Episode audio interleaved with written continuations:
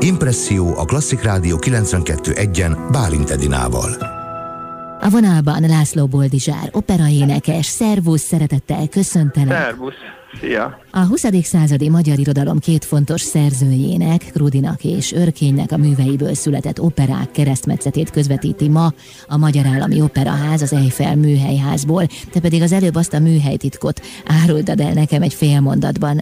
Nem tudom, elmondhatom-e, hogy éppen most sminkelnek, tehát készülsz már az előadásra. Igen, igen, már kijöttem most, igen, Hát ugye itt eh, nekünk is haza kell érni nyolcra, és azért az esti kezdés az akkor úgy uh, eléggé ki lenne fentizve, úgyhogy így, így uh, délután felvesszük a, a művet, és akkor úgy utána kerül adásba majd. Milyen művet? De mai nap folyamán természetesen. Tehát mindez ma történik, úgyhogy itt vagyunk a, a cél előtt. Milyen művekről van szó? Úgy tudom egyébként, hogy az egyik a te fejedből pattant ki, te voltál az ötletgazda, nem tudom, hogy jó az mindent. Az van pontosan, hogy hogy a Kenesei Jenő írt egy operát Arany meg az asszony címmel, egy Krúdi mű alapján, és hát az, az egy teljesen más zenei stílusú, mint a, a, a Örkény Tótékából született opera, de hát a maga a történet is teljesen más. Úgyhogy gyakorlatilag teljesen izgalmas volt két évvel ezelőtt a bemutató, és ezt reprodukáljuk most egy ilyen rövidített formában, amit élőben lehet közvetíteni, azok, vagy figyelni ma este. Hát azt hiszem, hogy 7 vagy 8 órakor kezdődik a mű, de ezt uh, mindjárt megkérdezhetem itt valakit előtt? Rajta. Kezdődik a közvetítés?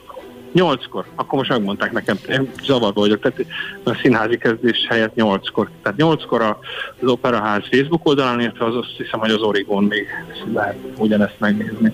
Úgyhogy ennek... Annyi mindenre kell figyelni, Boldizsár, hogy ezt bőven megbocsátjuk. Jó, tehát úgy van, hogy, hogy ezt a keresztmetszetet tehát magát az operák, ugye egy felvonásos volt mind a kettő, azt is meg kellett még húzni fél és fél órára, tehát egy órás műsorba is bele kellett férnünk, de így is kijön mind a kettőnek a története, és nagyon fogyasztható a, a, a mű, meg legalábbis kezd csinálólag nagyon jó mindenképpen, hogy majd amikor újra lehet színházba járni, akkor és műsoron lesz, már pedig úgy tudom, hogy jövőre is műsoron lesz, akkor akkor már meg lehet tekinteni. Az, hogy az operáknak a keresztmetszetét nézhetjük csak meg, az mit vesz el az eredetiből, vagy mit ad hozzá? Hiszen hát általában soha semmi nem sajnos, mert ugye eleve zenekar nincs, kórus nincs, azok a jelenetek kapásból ki kell, hogy kerüljenek, és hát egy százongorával, amit tudunk, megteszünk.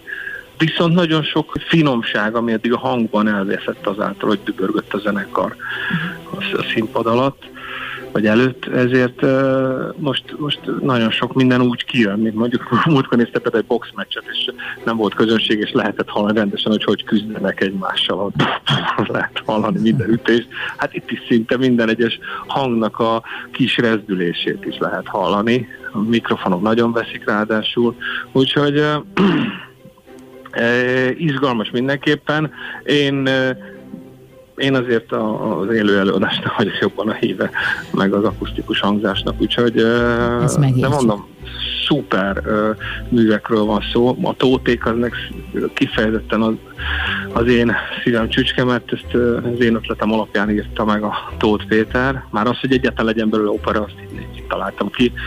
Lehet, hogy előbb-utóbb valakinek eszébe jutott volna, mert azért eléggé adja magát a, a dolog, hogy a, az ország egyik legismertebb színpadi művéből szülessen egy opera előadás. Úgyhogy, de hát, hogy ennek aztán eljutott a az opera bemutatásáig. Abban már olyan túl sok szerepem nem volt, mert a szerzők maguk intézték ennek a bejutási lehetőségét, és Kocsár Balázs főzeregezgató úr pár évvel ezelőtt lecsapott rá, illetve hát adott neki lehetőséget bemutatásra, és aztán az operaházi felkérőmből tudtam meg, hogy lesz az operában, ez volt a legszebb az egészben. Tehát úgy kért fel az operaház, hogy nem tudták, hogy én írattam a művet. ettől, ettől, ettől nagyon izgalmassá vált számomra ez, a, ez az egész dolog, és az, hogy egy, hogy, és egy olyan védelmet kaptam abban a minutumban, hogy nem az, hogy na, Bold iratott magának egy operát, hanem, hanem írattam egy operát, aminek fölkértek a címszerepére és ők is úgy gondolták, hogy akkor tényleg az őrnagy jól állna nekem, és hát én, én az olyan plusz energiát adott, hogy szuper. És jól áll neked az őrnagy? Én igen, mert ezt, ezt a figurát én nagyon szeretem. Én, én mindig is szerettek, szeretek egy kicsikét intrikusabb lenni a színpadon. Szeretem azokat. E, az, a tenor élet egy kicsikét monoton olyan tekintetben, mindig hős szerelmes, meg, meg szerencsétlen, akit a végén megölnek. Mondjuk itt is engem, de, de, de alapvetően az, amikor egy kicsikét lehet bohókázni benne, meg játszani. Én azt jobban szerettem mindig. Úgyhogy, és ez a szerep ez ilyen. Tehát ez is, meg az arany, meg az asszonyban a kapitány is egyébként ilyen, mert ott is, abban is nyugodtan lehet, vannak rengeteg féle szín van benne, amit érdemes megmutatni. Az, hogy nem közönség előtt történik ez az előadás, az Igen. milyen kihívást jelent számotokra?